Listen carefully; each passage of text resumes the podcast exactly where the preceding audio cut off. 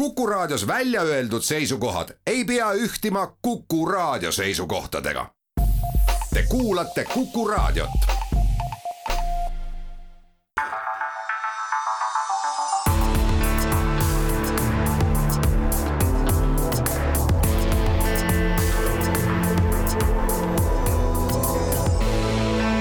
olukorrast ajakirjanduses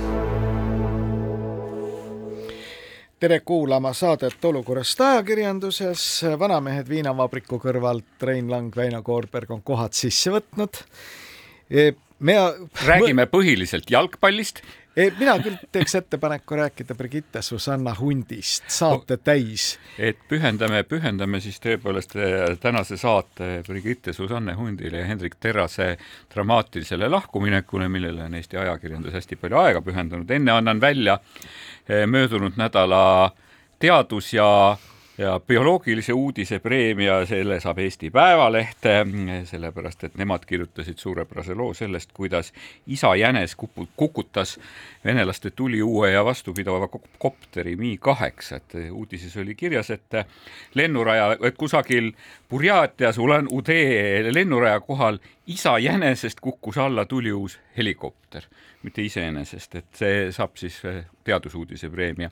ja tegelikult, et kuna me peame valmistuma sellele, et nii Meedialiit kui ka Postimees äh, võtavad vastu kõikvõimalikke teateid äh, ajakirjanduse, pretendente ajakirjanduspreemiatele, et eks uue aasta alguseni on aega esitada oma kaastöid, et siis, siis meie teeme ka ettepaneku, et uuriva ajakirjanduse preemia tuleks välja anda Postimehele, Postimehe naisele uurimustöö nendes kolmes sekspoosis murdub peenis kõige sagedamini eest tugev pretendent. Rein, et kas sa oled selle materjali läbi töötanud? põhjalikult. selge. nii, aga siinkohal sai meie aeg nende teemade kasuta-, käsitlemiseks otsa. räägime erakordsetest ilmastikunähtustest, mis on sedavõrd erakordsed, et osa eestlasi peavad elama pimeduses ja külmas seda, et meie elektrifirma nimega Elektrilevi, mille kohta öeldi ju väga ilusti keskkonnaministri poolt, et äh, ei õigusta päris oma nime Saaremaal, sest elekter siin ei levi.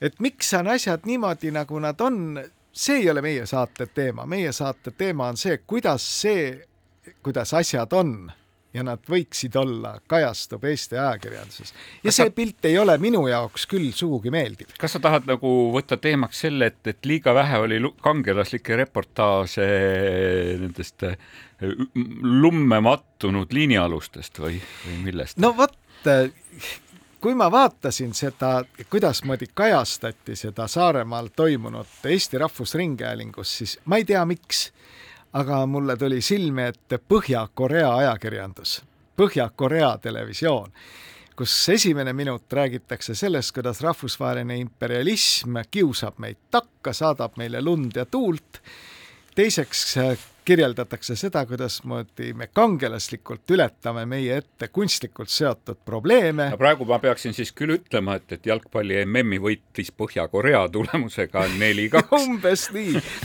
et see oli siis aga, kolmas uudis. aga ütleme, et see kõik jättis ikkagi väga vastiku mulje et see, kuidasmoodi Kukuti seletama seda, et ühelt poolt ikkagi süüdi on äh, neli aasta aega ja ilm ja ilm olevat olnud ikka täiesti erakordne, et midagi sellist ei ole Saaremaal kunagi enne olnud. no sellist lund ei ole ka Tallinnas olnud, et nagu, nagu me kirjeldasime, et, et eks ju, et, et see oli nii erakordset ilmastikku, et isegi siinsamas kõrvas äh, Riigi Kinnisvara Aktsiaseltsi vastaskõnniteest ei olnud, oli võimalik ainult üle roomata, mitte minna. aga vaata, kas sulle ei tundu, et inimese jaoks, kes on harjunud kogu aeg käima lühikestes pükstes ja plätudega tänaval, on tõepoolest eh, null kraadi ja sellega kaasnev lörts erakorraline ilmastikunähtus.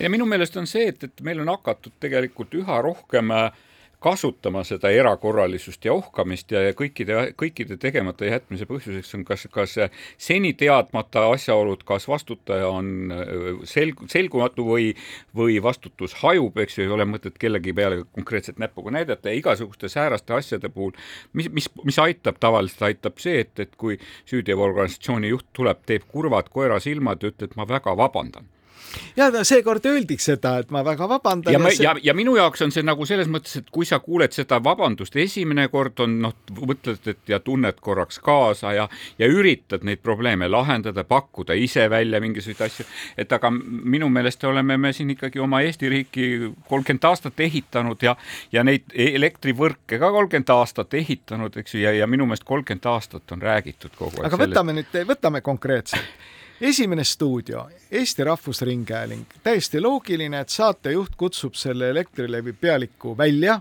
öeldakse ajakirjanduslikule vaibale ja asub teda siis pinnima. no kõigepealt vabandati, siis kiideti oma organisatsiooni, väideti, et küll me hakkame tegema koostööd. väga kangelaslikult, kangelaslikult me võitlesime liinide all, eks ju, ja, ja, ja, ja tegelikult ma olin Sumiteel alati ühenduses ja, ja avaldasin toetust kõikidele nendele meestele, kes seal pimedas lumeses möllasid, eks ju, see oli suhtekorralduslikult väga hästi tehtud. ja, aga siis teeb, eks ole, tuntud elektrifirma pealik teeb saatusliku vea mida oleks pidanud kohe ära kasutama, ta ütles niimoodi, et me maksame oma emaettevõttele, mis on Eesti Energiaga, dividende ja me investeerime elektriliinidesse loomulikult oma võrgutasudest ja kasumist, eks ole millegipärast esimeses stuudios oli see number, millest räägiti sada miljonit aastas, mis pidi minema elektrivõrkude parandamiseks. sellest sajast miljonist sai eile õhtuseks Aktuaalseks kaameraks viiskümmend miljonit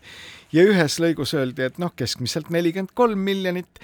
noh, mis see nüüd ära ei ole, kas sada või viiskümmend, mis vahet seal ikka on, vahet pole, aga ajakirjanik jätab esitamata selle sama juhi apsaka peale selle küsimuse, mille ta peab esitama minu meelest antud kontekstis, et oodake, oodake nüüd, et me ju kõik maksame seda võrgutasu selleks, et need liinid, mida pidi see sähvakas liigub, oleks korras ja teie ütlete, et te olete emaettevõttele maksnud osa sellest rahast dividendidena välja, et öelge, kui palju see summa siis on? No,? ma tahan nüüd ajakirjanikku selle koha peal natukene kaitsta, et päris, päris niimoodi ei ole, ajakirjanik lähtus sellest kontekstist, mida talle öeldi, täpne tsitaat oli see tegelikult, et tulebki arvestada, et vaidlus käis selle üle, et et kas probleem on selles, et Elektrilevi kuulub e-, Eesti Energiale, ta on üks osa sellest Eesti Energiast, teda juhitakse, ka Eesti Vabariik juhib teda Eesti Energia kaudu, eks ju niimoodi.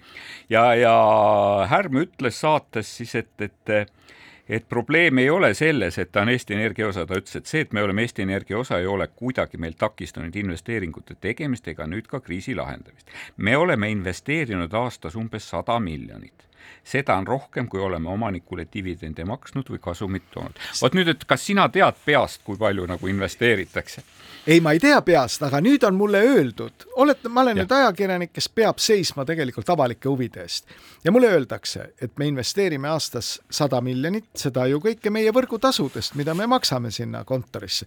aga mulle öeldakse ka nii, et me maksame dividende emaettevõttele seda ma ajakirjanikuna ju tean, et see emaettevõte antud juhul on Eesti Energia, kes arendab õlitööstust, ehitab Auvere elektrijaamu, on seigelnud ka rahvusvahelistes projektides, mida iganes nüüd ma tahaksin teada, kui palju see emaettevõte oma selle toore jõuga seda meie poolt sinna makstud võrguarenduse raha on siis võtnud välja ja kasutanud mingiteks muudeks otstarveteks. see küsimus jääb lahendamata. küll aga oli võimalik peaministrile ninanips anda, eks ole, kuna peaminister intervjuus Postimehele ütleb otse välja et temal on, no ju ta siis teab, eks ole, et äh, seda raha ongi tegelikult kasutatud muuks otstarbeks kui nende liinide äh, korrasolekusse. küsimus vist ei ole väga sageli mitte üksnes sellest, et, et see raha on nagu Eesti e e Elektrilevist liikunud Eesti Energia poole ja selle eest on võib-olla rajatud midagi, aga aga minu arust palju olulisem on olnud see, et, et üks osa sellest Eesti Energia nagu finantsolukorrast moodustab seesama äh, püsiv rahavoog, mida meie nende elektrivõrgutasudena maksame. et aga täpselt, aga teeme. see on võib-olla väga olu-, see on isegi selles mõttes olulisem moment ja, ja ja, ja ma arvan, et sellest see kasu nagu Eesti Energiale, see, et tema laenud on selle võrra odavamad, et selle, see, sellele võiks ka hinnalipiku kirjutada ju. aga teeme siinkohal väikese pausi ja siis räägime seda teemat edasi.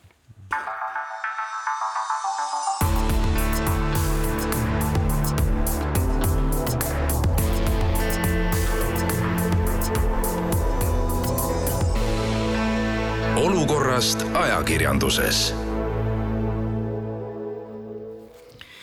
Parafraseerides Jaroslav Hašekit ja tema surematut romaani Vahva sõduri Šveiki sõiklused Esimese maailmasõja päevil istuvad vanamehed viinavabriku kõrvalt nurgast, nokivad nina ja leiutasid just praegu elektri aga kui vaadata seda Elektrilevi seletamist, siis jah, tõepoolest see avalike suhete töö on tehtud väga korralikult, väga professionaalselt. kõigepealt muidugi kiidetud rinnuni lumes sumpavaid mehi vähe on. kes väga, väga sageli ei ole tegelikult ka Elektrilevi mitte töötajad, vaid Täpselt. tegelikult need alltöövõtjad. kellele, kel, kes vahepeal olid keeldusid, eks ole, nagu ütleme, frondile minevast, kuna raha, mis neile maksti, oli liiga väike. nüüd üks pilt tegelikult räägib ju rohkem kui tuhat sõna ja see pilt pärineb Aktuaalsest kaamerast, kus siis mehed mingit teleskoopvarre otsa pandud saega üritavad maha võtta oksa, mis on kukkunud keskpingeliini peale. ja minul tekib alati see küsimus, et aga miks seda oksa ei võinud siis suvel maha võtta, vastus on ka lihtne, sest sinna alla ei saa sõita, sest et kogu liinialune on võssa kasvanud. ma ütlesin, et ära saa seda oksa, millal sa istud. jah ja nüüd tekib tuhat küsimust, eks ole, aga no minu meelest kogu see teema on ikkagi kinni selles, et omal ajal langetatud poliitiline otsus, et see jaotusvõrk ja elektri tootmine peavad olema lahus, ei ole tegelikult ju ellu viidud. üks seesama kontsern toodab elektrit ja toob selle teile koju, eks sinna ole. vahepeal on lihtsalt ehitatud äh, üks tore peaaegu et munitsipaalettevõte nagu Tallinna Küte või Tallinna Linnahall või midagi niisugust, eks ju, et kuhu, mis on, mida on mehitatud tegelikult siis nagu mingi juht juhtimistasandiga, aga see reaalne töötasand on kuidagi firmast välja viidud. no seal on veel eraldi teema jah, et, et kuna nüüd hirm, et eh, ikkagi valitsus ühel hetkel selle tootmise ja jaotamise nagu lahutabki ära, siis on meil küll sellised enamik neid töötajaid viidi ju tegelikult Eesti Energia öö, meie andmetel on see Elektrilevi tegelikult jah, selline tühi kest, eks ole, nii varade kui inimeste poolest. ja miks seda ei saanud ära lahutada, on sellepärast, et kontserni huvi see ei olnud kuna kontsern on võtnud arvestatavaid laene oma elektritootmise arendamiseks ja nende tagatiseks on pandud seesama rahavoog sellest Elektrilevist, siis on ka täiesti loogiline, et no, et kui see eraldamine tehakse, siis hakkavad ka finantsinstitutsioonid vaatavad otsa nendele lepingutele, tahaksid tõenäoliselt need ümber teha nüüd kõige selle keskel on siis see õnnetu tarbija jäänud nagu täiesti lolliks, eks ole, et noh, kõik need lepingud, mis Elektrilevi teile saadab ja mille te vaikimisi ju olete sunnitud aktsepteerima, ütlevad, et nad ei vastuta mitte millegi eest et kui kakskümmend neli tundi on neil üldtingimustes aega elektrivarustust taastada, siis kui nad ise kuulutavad mingi olukorra erakorraliseks, siis on neil seitsekümmend kaks tundi aega. nii et eh, suvel, kui on kolmkümmend kraadi sooja, siis istute te oma kaladega seitsekümmend kaks tundi rahulikult kuskil eh, kaevuserval ja ootate, mis juhtub ja talvel siis ootate, millal külm teid ära võtab, eks ole, seitsekümmend kaks tundi. mina ikkagi ootan, et millal me jõuame selleni, et need liinid oleksid meil kuidagi ilmastikukindlad, millest ma tõesti mäletan, ma olin noor algaja ajakirjanik, kui sellest hakati rääkima. oi oh jaa, see oli kakskümmend aastat tagasi räägiti, et meid, meilt hakatakse võtma arvestatavat võrgutasu kõigilt meilt, kellel, kes on elektri, tahavad elektrit osta. noh, loogiline, need tulevad mööda traate kilplaste moodi elektrit kotiga tuppa kanda ei õnnestu veel.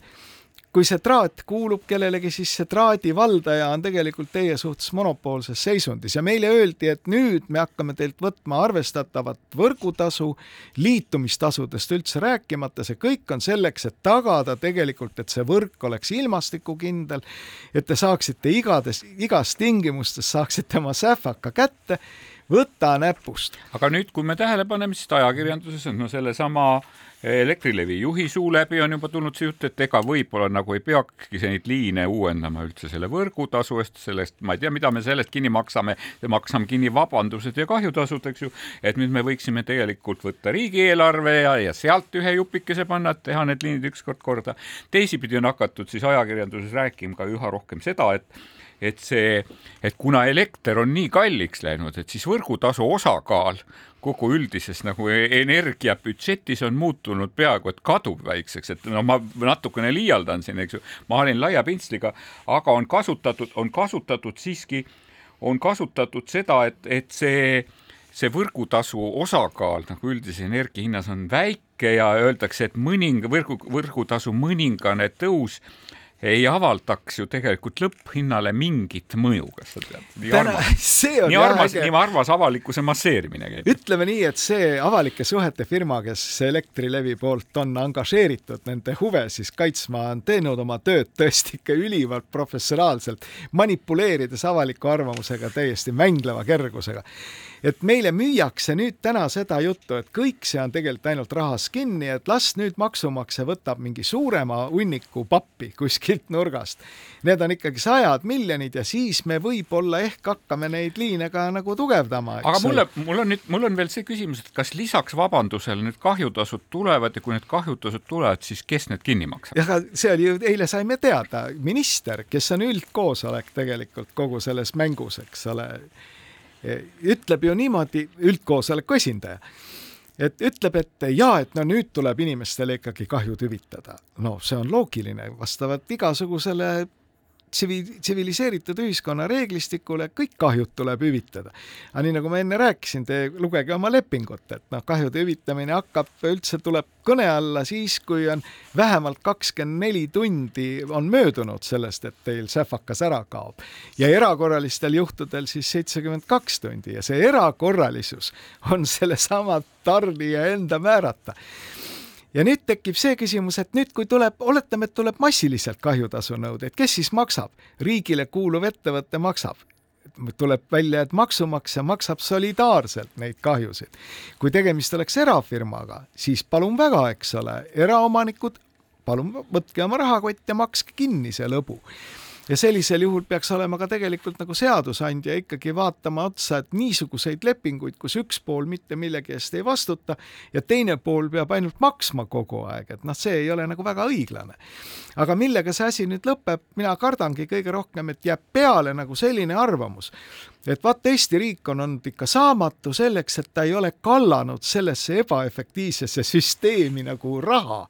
ehk siis ei ole kallanud bensiini lõkkesse ja, ja sinna see kõik sureb no, kuni järgmise äikeseni. tähelepanelikuma pilguga lugema neid aastaaruandeid, kui need asjad aastaaruannetest piisava selgusega välja tulevad. aga mäletad, Väino, sellest ei ole ju möödas väga kaua, kui Võrus lendas katus alajaama ja mille tulemusena kuskil moostes ja ümberkaudsetes asumites oldi ju samamoodi neli-viis päeva ilma elektrita, sest alajaam hävis. no ma mäletan, et ka sõbrad saarlased, sõbrad, sõprade saarlaste jaoks ei ole see mitte esimene torm, eks ju, kus nad on pidanud generaatorid kuuri alt välja tooma ja ma tõepoolest mäletan pa siin paari-kolme aastat tagasi, mille, mil, millal oli analoogiline olukord, eks ju, seal, et kui, te... kui põllumehed kurtsid, eks ju, loomakasvatajad kurtsid, kurtsid kalakasvatajad ja nii edasi ja nii edasi, olukord oli keeruline. ka siis me kuulsime vabandusi ju tegelikult. no ja üks asi on veel see, et, et katsuge Elektrilevist, kui teil on nagu tekib see olukord, et teil elekter kaob ära mingi äikese tulemusena, proovige nüüd kätte saada see ametimees kes konkreetse liini eest vastutab, ma arvan, et see on äh, omaette tore katsumus, mina mõtlen, olen millise, selle kõik üle elanud. millise, millise ringtantsu me peaksime saate oi, lõpuks, lõpuks panema, et oi, see on väga lõbus. see meenutab mulle väga just seda, sedasama ametkondlikku ringtantsu, et mida kirjeldas, mida kirjeldas tegelikult Paavo Nõgene Paavo Nõgene kirjeldas, et kuidas, kui et sellel hetkel, kui, kui sotsiaalmeedias kirjeldas, et kui, kui räägite sellest, et meil võib tekkida energiakriis, meil võib tekkida varustuskindluses puudujääke. ja siis ta kirjeldab seda, et kuidas tema, tema juhitav Tallink pakkus ja pakkus tegelikult seda varianti, et nende laevad suudavad toota päris korraliku koguse energiat, eks et umbes sama palju, kolmkümmend kaheksa megavatt-tundi on pandud, et ta kirjeldab, et see on umbes sama palju, kui Saaremaa, Hiiumaa kokku tarbib, eks ju niimoodi ütles, et, et, et meil on selline võimekus olemas, kui teil peaks nagu tekkima probleeme, eks ju. et pöördus, pöördusid vastutava ametkonna poole Eesti riigisüsteemis ja ütles, et teil läks kuu aega mööda ja, ja saimegi vastuse vastutavalt asekantslerilt, et idee on huvitav, et äkki te pöörduksite Eleringi poole niimoodi eks ju, et läks veel mõni aeg teada, teada, siis nad umbes saime teada, et, et et pöörduge, et meie kassad või need meie teenindus, teeninduspunktid asuvad seal, et minge küsige sealt, eks ju, ja nii edasi, seesama ABS-i ringtants algus, algas peale, et mulle tundub tegelikult, et see riigikapitalism sellesama Elektrilevi näol, noh, tantsib sedasama tantsu.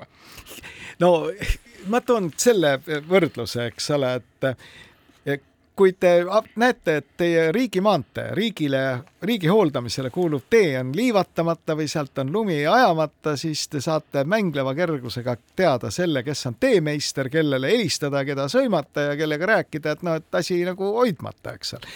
siis proovige kätte saada teie eh, vastutav isik Elektrilevi, see inimene, kes vastutab selle konkreetse liini eest.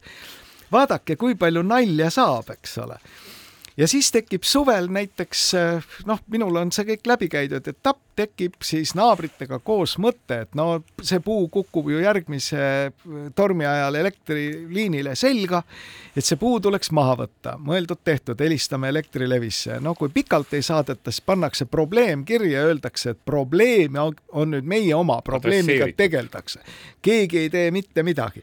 ja nüüd, kui me võtame kätte ja hakkame seda puud ise maha võtma, siis ilmub keegi kohale fotoaparaadiga, kes tellib kohale looduskaitse inspektori ja tulemuseks on siis keskkonnakahju akt koos siis trahvisummaga. see süsteem on absoluutselt jätkusuutmatu ja mida kõige rohkem tasubki karta, et kui ajakirjandus ei aruta lahti peensusteni kogu seda masinavärki, siis see kõik lõpeb valimiste-eelsel perioodil sellega, et maksumaksja kallab sinna järjekordselt raha sisse ehk täpselt lõkke kustutamine bensiiniga see raha, selle raha eest me tegelikult rohkem neid korralikke liine ei saa, vaid need allhankijad saavad rohkem raha täpselt samasuguse eh, pikkusega liinide ehitamise eest kõik kordub, kuni tuleb siis suvel mingisugune kõvem äikesetorm, mis viib jälle mingi liini kuskile hunnikusse ja ajakirjandus saab jälle kirjutada ja targutada ja kõik järgab, jätkub vanamoodi. ma tahaksin sinu selle pühaliku tiraadi lõpuks no lihtsalt Kaja Kallase tsitaadiga vastata sulle, et ajalehega ei saa tappa mitte ainult kärbsed, vaid tegelikult ka inimeste elusid oluliselt mõjutada. ma väga loodan, et see on tõsi no olen väga skeptiline, ma arvan, et see kõik lõpeb hea suhtekorraldusega, sellega ongi, et äh, luuakse mingi finantsmehhanism, et äh, lõkkesse tuleb rohkem puid. Georgi, too lõkkesse puid. Ja mitte midagi ei muutu, kuniks ei ole langetatud põhimõttelist otsust, et see tootmine ja jaotamine on täiesti selgelt lahus ja selle jaotamise üle tekib mingi kontroll ega siis see Konkurentsiamet, kes peaks olema seotud nüüd äh, selle järelevalvega, no selle üle me oleme siin ilkunud aastaid, et nende jõuetuse osas, eks ole ja selgub, et sealt ei tule ka nagu mitte midagi, et ega inimesed. no meil on mitte üksnes erakordne eriolukord, meil on ka erakordne turuolukord tavaliselt, eks. jah, kõik see on seletatav ja, ja noh, see oli lihtsalt mage ja miks ma nii jõhkralt ütlen, et see on nagu Põhja-Korea ajakirjandus, et ajakirjanik ei saa olla nii loll ja nii heatahtlik tegelikult riiklike monopolide suhtes et see on nüüd see koht, kus tegelikult me ootame seda, et hakkaks midagi nagu paremuse poole minema ja kui see süsteem on vildakas, siis ta ei hakka ju paremuse poole minema. meie oodame muidugi seda, hirmsasti ootame ka Riigikogu või Riigikohtu otsust ajakirjanike trahvimiste suhtes, et kas ajakirjanikke vaigistatakse või neil lubatakse siiski oma nina säärastesse keerulistesse lugudesse pista, aga ja sellest me vist räägime ka pärast. sellest räägime peale pausi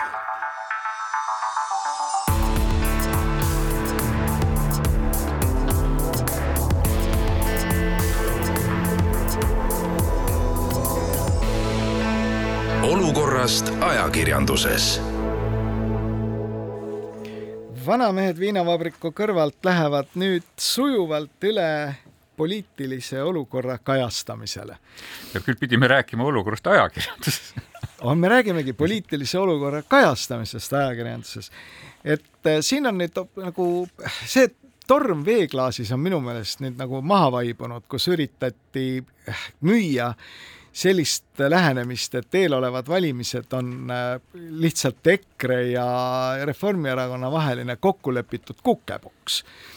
et aina rohkem ja rohkem eh, nii analüütikuid kui ka kõikvõimalikud eh, need reitingute analüüsid näitavad ju seda, et meil on tekkimas valimistele kaks plokki üks on siis noh, võib-olla nimetame seda siis tinglikult olemasolevaks valitsuseks, võib-olla siis üks osapool sellest äh, oleks tinglikult siis E kakssada või Isamaa ja teisel pool siis see EKREIKE, eks ole, mis oli ju kokku lepitud diil EKREIKE juhtide poolt juba kuskil suvel. Ja mis siis juhtus, oli see, et seda ei saanud teoks teha, kuna vähemalt ühe osapoole äh, liikmed, realiikmed tõstsid mässu, ütlesid, et nendele niisugune jant ei meeldi ja andsid oma juhtidele tegelikult selge suunise, et ei, ei, ei, et mingisugust EKREIKE valitsust tagasi teha ei tohi, tuleb muuta nagu diskursust ja, ja üritada Eesti riigis valitseda. Läks nii, aga see kok-, see ei, ei välista ju seda, et see kokkulepe oli tehtud ja mina võin küll ütelda, et ma võin mürki võtta, ma lihtsalt tean, et see kokkulepe oli olemas ja sellest Ekspress ka kirjutas, informeerides avalikkust, et diil tehti, aga diili ei õnnestunud ellu viia. mis juhtus, oli nagu nõiaväel sattus Ekspress ja tema ajakirjanikud peale seda prokuratuuri huvisfääri. ehk siis tehti trahvi. Ma just mõtlesin praegu, et kuidas sa selle nüüd nagu selle ajakirjanduse kajastuse peale et no ma, ma, ma päris nagu otseselt nii vandenõulike teo teooriatega ei julgeks nagu kaasa minna, aga Väino, aga, ka, aga kalend... sina lubasid, sina kalender... lubasid mürgi ära juua, mina kalender mina mürgi... on väga vajalik töövahend. Mina mürki ära juua ei luba, eks ju, tähendab mulle tundus, söö siis sall. tundus lähemalt, aga lihtsalt möödunud kolmapäeval Riigikohus kuulas, Riigikohtu kriminaalkolleegium arutas sedasama ajakirjanike trahvimise juhtu, juhtumit, eks ju, kus trahviti Eesti Ekspressi, trahviti kahte Eesti Ekspressi ajakirjanikku, Tarmo Vahterit ja Sulev Veetlerit, selle eest, et nad kirjutasid eh, Swedbanki rahapesu juhtumist, ilma et nad oleksid riigiprokuratuurilt selle kohta luba saanud, et Harju maakohus tegi eh,, prokuratuur küsis sealt vist igaühele kolm tuhat kakssada eurot trahvi, Harju maakohus tegi nii Sulev Veedrile, Tarmo Vahtele kui Ekspress Meediale igaühele tuhat eurot trahvi ja ringkonnakohus tühistas selle trahviotsuse ja selle peale Riigiprokuratuur pöördus Riigikohtusse, soovides siis teada saada, et milline on meie põhiseadusliku kohtu seisukoht selles osas. Ja ja väga huvitav arutelu oli, ütleme niimoodi, väga huvitav arutelu toimus ikkagi päris mitme teema pealt, esiteks, et milline on see avalik huvi üldse, saime teada prokuratuuri seisukohtadest, et panga rahapesu kahtlusest kirjutada oli avalik huvi, kuigi vist minu meelest esimese astme kohus ütles, et tegu oli uudishimuga avalikkuse uudishimuga, aga nüüd äh, positsioon tundus olevat muutunud, et rahapesu kahtlusest äh, üldiselt panga kujul on avalik huvi kirjutada, aga kui kirjutada pankurite rahapesu kahtlusest, siis saab avalikust huvist uudishimu. ehk et see võib kahjustada üksikisikut, see võib kahjustada menetlust, ükskõik mida niisugust, eks. saime teada sedagi, et kui millestki kirjutas, kui millestki ülevast ja avaliku huvi teenivast asjadest kirjutatakse Rahvusringhäälingu lahtisesse kõigile kättesaadavas portaalis, siis prokuratuuri arvates teenitakse avalikku huvi. kui ajakirjandusväljaanne äh, julgeb küsida raha oma oma ajakirjandusväljaande eest või, või, või juurdepääsu eest oma portaalile, et siis on tegu lihtsalt ainult üheselt ikkagi kasuahne kasumijanuga. see oli kõige eh, vapustavam seisukoht. kasumijanuga, et, et, et kuigi noh, ma saan aru, et, et tegelikult on ju on ju olnud ikkagi võetud ka Euroopa kohtu tasemel võetud seisukoht sellest, et selle kohta, et, et see Eh, ajalehed üldiselt ongi tasulised ja see ei tähenda seda, et, et tasulistes ajalehtedes ei saa ajakirjandusvabadust teostada. väga huvitav oli, väga huvitav toimus vaidlus sellel teemal, et kuidas seda menetlust kaht-, kahjustatakse ja kas seda, et menetlust saab kahjustada, kas see on hüpoteetiline seisukoht, eks ju niimoodi, et menetlus sai kahju, et me oleksime ju ära tõestanud, et Tartu abilinnapea korruptsioonijuhtum, eks ju, tähendab ühe, ühe juukselõikuse läbi sai tõestatud noh, mille juurde me vist arvatavasti tuleme veel niimoodi, eks ju, või, või tuleks ikkagi väga konkreetselt äh, näidata, kuidas menetlus kahju sai.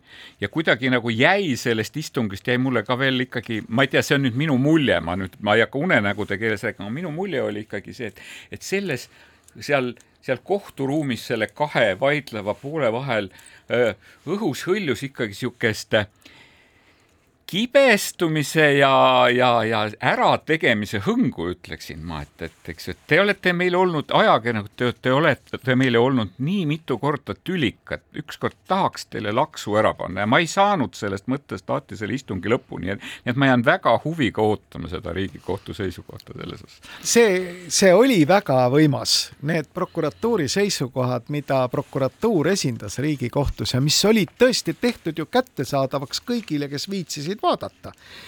Need olid kohati ikka täiesti hämmastavad. ja no mind haarab alati siis hirm, kui prokuratuuri seisukohad muutuvad hämmastavaks. ja ma sain oma sellele hirmule veel kogu aeg, pandi veel puid alla eelmisel nädalal, kui siis Pealtnägija tegi järjekordse pika loo võitlusest korruptsiooniga ja sedapuhku meditsiinivaldkonnas on vana lugu, umbes poolteist aastat tagasi oli, lipsas ajakirjandusest ka läbi ja mitte ainult ei lipsanud, vaid see oli suur lugu sellest, kuidasmoodi prokuratuur suure kolina ja mürinaga pani asja püsti Põhja-Eesti Regionaalhaiglas, kahtlustades siis kolme arsti eh, korruptsioonis, mis seisnes selles, et nad manipuleerisid riigihangetega ja ostsid siis eh, nendele sobivalt eh, teatud äriühingutelt vajalikku meditsiinivarustust nüüd tänaseks on sellest värgist poolteist aastat möödas. pealtnägija saates kommenteeris seda Keskkriminaalpolitsei vastutav isik, kes ütles ka ausalt välja, et ei, et meil on siin tööd on kõvasti tehtud ja ja võib-olla kuskil pooleteist kuu pärast edastame materjalid prokuratuuri seisukoha võtmiseks, mis tähendab seda, et need konkreetsed inimesed, kelle nimeliselt, keda käsitleti selles saates, ei ole tänaseks saanud mingit süüdistust, vaid kõik on kahtluse staadiumis. ja see, et see saade üritas nagu minna selle probleemi äh, selle külje peale, et kogu süsteem on imelik, et Eesti-suguses mikroriigis tegelikult kõik haiglad äh, iseseisvalt hangivad neid meditsiinivarustust ja tehnoloogiat, et see võiks olla tsentraliseeritult tehtud, mis äh, võib-olla vähendaks korruptiivset survet, siis ikkagi tuli välja sellest saatest, et selles käsitleti kolme väga konkreetse isiku kriminaalasja, kes on nimeliselt olid välja toodud toonitame veel ükskord, poolteist aastat on möödas, asi on kahtlustuse staadiumis, mingit süüdistust ei ole.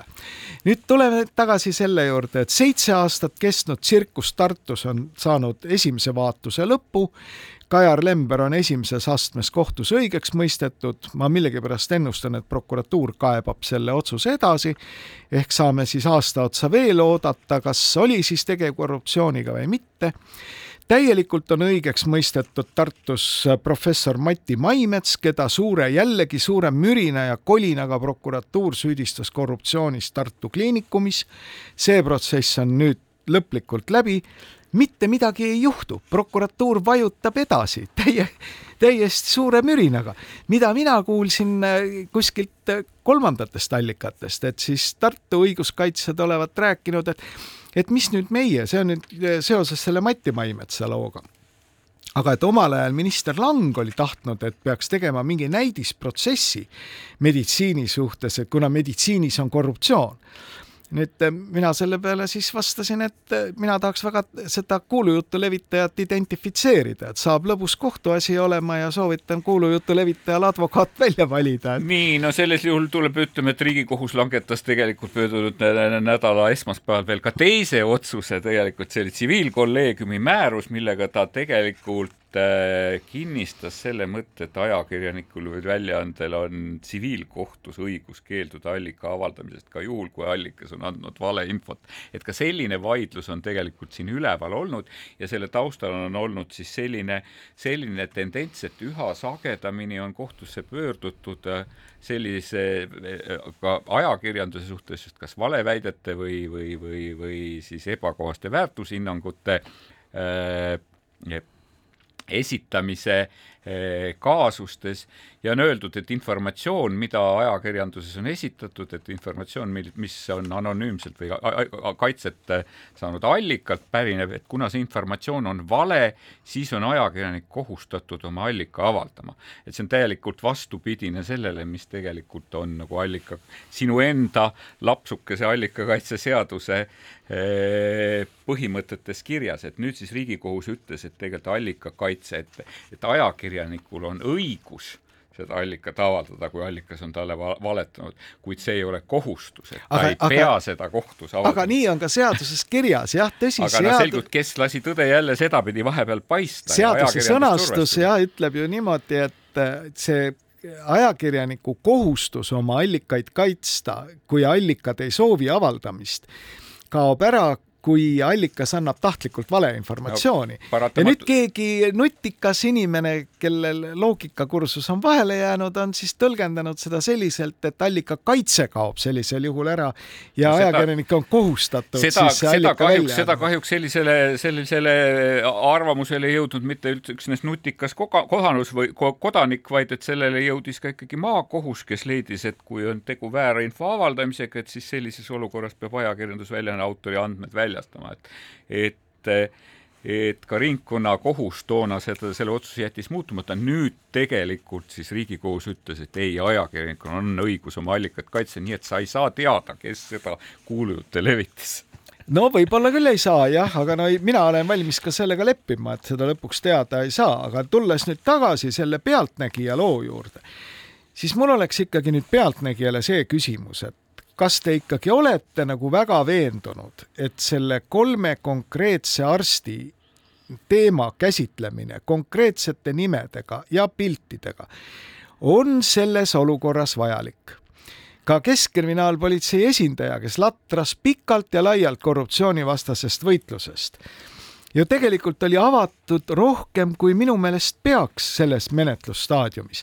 minul on muidugi see küsimus, et kas keskkriminaalpolitseinikul oli olemas prokuratuuri luba menetluslike andmete avaldamiseks Arvatava, arvatavasti prokuratuuri arvates see menetlust ei kahtlusta või ei kahjustanud. aga kas luba oli, eks ole, kui nõutakse seda Veedlerilt ja, ja ja Vahterilt, siis tuleb ju seda nõuda seda enam, eks ole, politseinikult, kes läheb Pealtnägija saatesse aga see on kuidagi kummaline, et noh, mina tahaks ka nüüd näha, et kuidasmoodi see, kui see Kajar Lemberi asi ükskord läbi saab, et tuletame meelde, et seitse aastat tagasi algasid need sündmused ju esilehtedel ilmunud teadetega ja televisioonimaterjalidega, kuidasmoodi õiguskaitseorganid paljastavad korruptsiooni Tartu linnavalitsuses. Siis nüüd Kajar Lemberi õigeksmõistmine oli ainult üks pisike nupp ajalehe kolmandal leheküljel, eks. no ma ei usu päris seda, nagu sa näed, me oleme juba veerand tundi sellest, sellest teemast rääkinud, et väga sageli ongi, et kas nüüd ajakirjandus peaks vaikima seni, kuni tuleb viimse instantsi viimne otsus, eks ju. mina ei ole seda meelt, ajakirjandus peab kaja, kajastama kõiki neid protsesse, mitte et eh, rauduskäsi viiakse ära kott peas Tartu raekojast, eks ju, niimoodi anonüümne isik ja keegi ei tea, mis, millest teda süüdistatakse, kes, kus, kuidas, eks ju. tavaliselt teda ei süüdistata ka eraelulistes tegudes, vaid tegudes, mida ta on teinud kas abilinnapeana, et selles mõttes tema avalik tegevus on, on olnud, eks ju, ja see on kajastamist väärt. ja tegelikult sedasama tasakaalu saabki saavutada sellega, et me kajastame seda protsessi ja see tasakaalu saab sellest, et me kajastame ka õigeksmõistmist, eks ju, ja osaleme. teeme siinkohal väikese pausi, tuleme teema juurde tagasi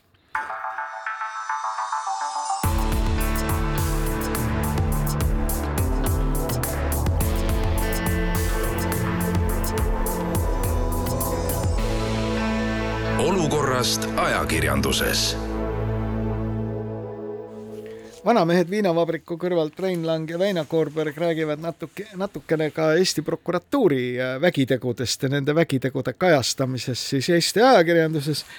Läinud nädal tõi meile jälle uudiseid äh, Kajar Lemberi õigeksmõistmisest, siis Pealtnägija suurest loost, kuidas poolteist aastat kestnud kriminaalasi pole kuskile tegelikult välja jõudnud. no läinud et... nädal tõi tegelikult igasuguseid uudiseid, väga huvitavaid uudiseid, tõi tegelikult Danske panga uudise, eks ju, selles, selle kohta, kuidas kus raha ikkagi, on? kus, et kus see raha, rahapesu, kus Danske pank siiski tunnistas ennast süüdi selles eriti suures rahapesus, mis, mis Danske toimus... pank ehk Taani panganduse kroonijuveel maksab oma sigaduste lõpp, menetlemise lõpetamise eest Ameerikas kaks miljardit, miljardit dollarit. ja vot nüüd küsimus nagu ongi siin, et, et ühtepidi meil on olnud avalikke diskussioone, et mis meil, mis toimus Tallinnas, mis toimus, eks ju, kohalikus Danske panga kohalikus filiaalis.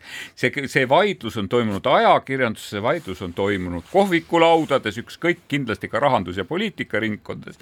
ma ise olen oma tuttavaga pangandussüsteemist, eks ju, vaielnud ja, ja, ja kehastanud seda rumalat lolli ajakirjandust, kes suu lahti kõike usub ja kõike korralikult ära toob, et jätke järele, kakssada miljardit Eestist läbi käinud, no kujutage ette, lõpetage ära, ei ole võimalik, ei ole olemas. et nüüd praegusel hetkel on öeldud jah, et sellest sada kuuskümmend miljardit jõudis ilusasti Ameerika pankadesse puhtaks pestuna. no see ei pruugi sada kuuskümmend miljardit muidugi kõik olla nüüd nagu mingil moel must raha, et see on nüüd ülekanded kõik kokku, et ja. vaevalt, et keegi võtab nüüd endale selle kohustuse, et kõik need ülekanded üksipulgi no, läbi käia. Danske pank oli valmis ikkagi oma kohalikust nagu niisugust turukapitalisatsioonist päris märkimisväärse osa ikkagi Ameerika valitsusele ära andma. kaks miljardit ja nüüd millele, kuidas siis reageeris Eesti ajakirjandus sellele? kaks suurt päevalehte, mõlemad kirjutasid juhtkirja, mille sisu on, aga kus meie raha on miks meie ei saa sellest kahesajast miljardist pennigi? Ja minul oleks nagu see küsimus, et kas need juhtkirja kirjutanud inimesed mitte ei ole needsamad, kes omal ajal kirjutasid sellest, kuidasmoodi leping Louis Freeh advokaadibürooga tuleb kohe-kohe lõpetada. no ma arvan muidugi, et see leping, selle lepingu ei lõpetanud ära mitte ajakirjandus, selle lepingu lõpetasid ära, eks ju, tähendab Martin Helme valitsus, Martin, valitsus sellele valitsusele, kus Martin Helme oli ministrina tegev, sellele valitsusele järgnev valitsus täpselt nii ja minu meelest on see, ongi see koht, et see asi läks läks käest ära juba sellel momendil, kui Martin selle Louis Freeh büroo angažeerimisega viis selle asja poliitiliseks. ehk tema silmades peegeldus lootus, et oi, nüüd siis palgates endise FBI peadirektoriga äkki õnnestub äh, rahandusminister, endisele rahandusminister Ligile pasunasse sõita nüüd niipea, kui valitsus vahetus, niipea sõideti siis Martin Helmele pasunasse ja lõpetati see leping ära. see tegelikult oli üks väheseid asju, mis minu arvates tegi Martin Helme mõistlikult et äh, see leping oleks tegelikult võimaldanud Eesti huve moel või teisel ka kaitsta. muide, seal on veel üks tore lugu, mida Eesti ajakirjandus pole üldse kajastanud, on ju see, et Taavi Pern ehk siis äh, riigiprokuröri asemik maa peal on ühes intervjuus väljendanud kahtlust Louis Freeh, endise FBI peadirektori usaldusväärsuse suhtes, mille peale Louis Freeh on teada andnud, et kui härra Pern ei vabanda, siis teda ootab ees New Yorgis väike kohtutee.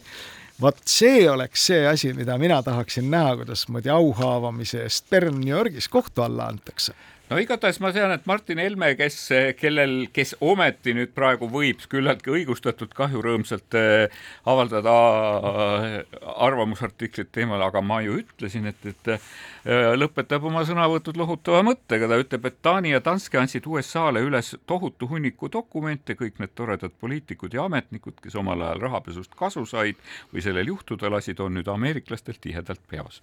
see on väga paljulubav noh, jah, see on nüüd ka tüüpiline valimiseelne retoorika muidugi ja ega loomulikult ega sekk neid, äh, Ameerika sekk ei jäta neid ja rahandusministeerium samamoodi ei jäta neid andmeid kasutamata.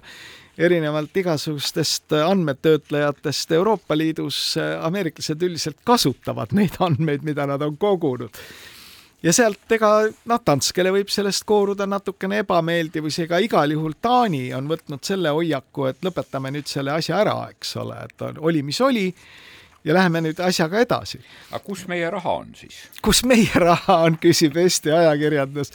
tegemata, see on alati no tuleb, ma ei saa, ma ei saa lihtsalt, ma ei saa, tähendab, et selles mõttes, kui me, kui me, ma tulen Martin Helme sõnavõttude juurde tagasi, siis tema ei süüdista selles mitte ühe, üks, ta küll nimetab seda kuidagi vasakpoolseks Eesti ajakirjandustiivaks, aga, aga ikka põhisüüdlasena näitab ta näpuga sinu koduerakonna peale, Reformierakonna peale, kes, kes on ikka selles kõiges, et me raha ei saa põhiliselt süüdi. jah, see oli ka muidugi huvitav, et nüüd on jälle enne valimisi saab alati otsida süüdlasi erakondlikult, aga noh, alati see on ju küll nilbe, nilbe anekdoot, eks ole, aga. ja juba nad helistavadki juba otse. nad helistavad aga, aga... nilbe anekdoot sellest, et vaat kui ei küsi, siis ei saa mingil juhul, eks ole aga no me ju ei küsinud, nii et needsamad juhtkirja kirjutajad, kes nüüd kirjutavad seda, et tere hommikust, põllumehed, et kus meie raha on, siis tekib ju see küsimus, aga miks me siis ei küsinud, miks me ei aidanud sellele uurimisele mingil moel kaasa? aga möödunud nädalal oli tegelikult sellega seotud veel päris mitu silmatorkat asja. Danske pangast me rääkisime, Kajar Lemberist me rääkisime, me rääkisime tegelikult sellest väga, väga tähelepanuväärne oli, kuidas, kuidas Konkurentsiamet töötas Leedus, kes, kus Leedu Apteekide Liidule kaheksale ravimifirmale tehti kokku seitsekümmend kolm miljonit eurot just selles mõttes, et kes väidetavalt olid kokku leppinud ravimite juurdehindluse teema. et meil Eesti ajakirjandus on ka seda teemat kajastanud, ma mäletan Õhtulehes oli väga põhjalik äh, uurimistöö, et ei ole meie Konkurentsiametil selles osas teemat eh, tulnud. meil on uudiseid selle kohta, et kuidas meie sõbrad Nordicast hakkavad Saksamaal lennuteenust osutama jälle, jälle Eesti ajakirjandus võiks sinna natukene sisse, sisse vaadata. me ei ole pikalt rääkinud Operailist, eks ju, ja, ja, ja tema ärist Soomes ja Venemaal see oli ju tore lugu, et kuidas aga moodi... Konkurentsiamet on väga selge, väga selge põhimõtte ikkagi võtnud seoses ajalehtede kojukandega, ei ole lubanud Eesti Postil ja Ekspress Postil omavahel üheneda, ühineda, selle ta tulemusena. Möödunud nädalal tuli uudis, et ajalehtede kojukanne läheb vähemalt kakskümmend kaks protsenti kallimaks. Ja nüüd tuli ka uudis selle kohta, et Postimees Õhtuleht on teatanud, et nemad esmaspäeviti enam ei ilmu, Eesti Päevaleht siis seni jätkab esmaspäeviti ilmumist, uuest aastast Äripäev on lõpetanud paberlehena üldse ilmumise ära, et noh, mis lootust meil siin veel olema, tulemas on? ma tahtsin lihtsalt öelda, et selle Operaili puhul oli tore lugu, et see, et üldse ilmus see teema Eesti ajakirjandusse, siis ta ilmus läbi Soome Yleisradio portaali, kus kirjutati põhjalikult sellest, kuidasmoodi äh, Operail ehk siis Eesti Operaili Soome tütarfirma hakkab vedama Norilsk Nikkeli niklit Soomes ehk siis osutama seda teenust, mida venelastele Soome riigile kuuluv raudteefirma keeldus tegemast no,. ja see oli selles mõttes hästi tore, et see lugu, mis üles ilmus pikalt, see oli, seal oli Tallinn kirjutatud ühe N-iga ja võib-olla oli see kaval lüke. ja siis selle peale anti teada, et Eestis Operail ei, et ta ei kavatse ikka mingit niklit vedada, et ta tegeleb tege-, oma varade müümisega praegu, et üle kahesaja, vist kaks tuhat vagunit on Ukrainas ja neid üritatakse siis müüa, täpsustamata jäi, millistel territooriumitel need vagunid parajasti Ukrainas viibivad, aga see selleks. seal oli tore kokke, kukepukk boks omaniku ehk eh, majandus-taristus, taristuministri ja Operaili juhatuse vahel. ja Operaili juhatus oli ikkagi kõvem mees, eks. pressiteadete, pressiteadete vahetusel, aga mis puudutab kojukannet, et tõepoolest, et kas meil seda üldse on vaja kas meil on vaja ajalehtede kojukannet, kas ajalehed peavad ilmuma kolm, viis või seitse korda nädalas, eks ju, kas paberleht üldse on vajalik ja ka kas meil ajalehtede jaemüügis on konkurents ja kas meil varsti on kojukannet üldse olemas, kui, kuna Konkurentsiameti tõttu konkurents peaks olema Ekspress Posti ja Eesti Posti vahel. seda me vist peame järgmisel korral. jaa, Väino, aeg on läbi. ja põhiline teema nüüd on, mille juurde me veel, milleks me oleme järgmised kaks tundi planeerinud, oli ikkagi see, et, et kuida-, mis lõppes vallalise kaunitari lõpupeo järel ja pärast seda, kui TV3 saade eh, see Brigitte Susanne Hunt oli valinud võitjaks Hendrik Terrase, kes ja, pärast seda teatas, et suhe on läbi. nii põhjalikku ajakirjanduslikku käsitlust kui, kuidas see oli, lühend BHS, BHS-i seiklused ei ole Eesti ajakirjandus tükk aega näinud, nii et, et kõikide, pühendame kõikidele tublidele ajakirjanikele, kes seda teemat kajatasid, pühendame siis Arko Aadli ja Indrek Ojari Urra, urra polka.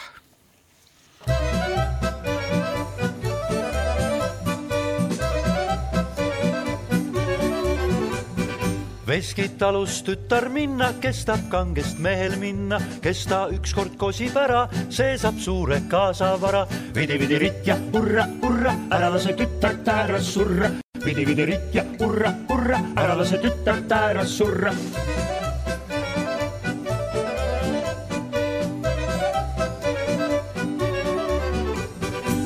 oinad, lambad, eemissiga seab põrsaid terve riida, kirjuid, koeri, kukki, kaanu, mehel minemised taanu. vidi-vidi ritt ja urra, urra, ära lase tütart ära surra. vidi-vidi ritt ja urra, urra, ära lase tütart ära surra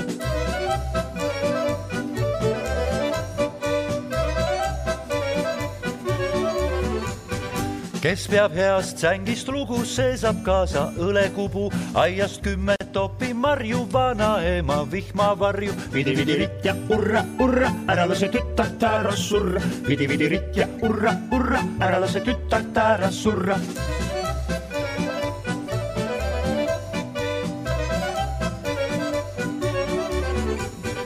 Pulmad peetakse üle valla, kel on soov, võib sinna tulla, sealt saab viina, kappa, kalja, igat sugu pulmanalja. vidi-vidi-ritt ja hurra, hurra, ära lase tütart ära.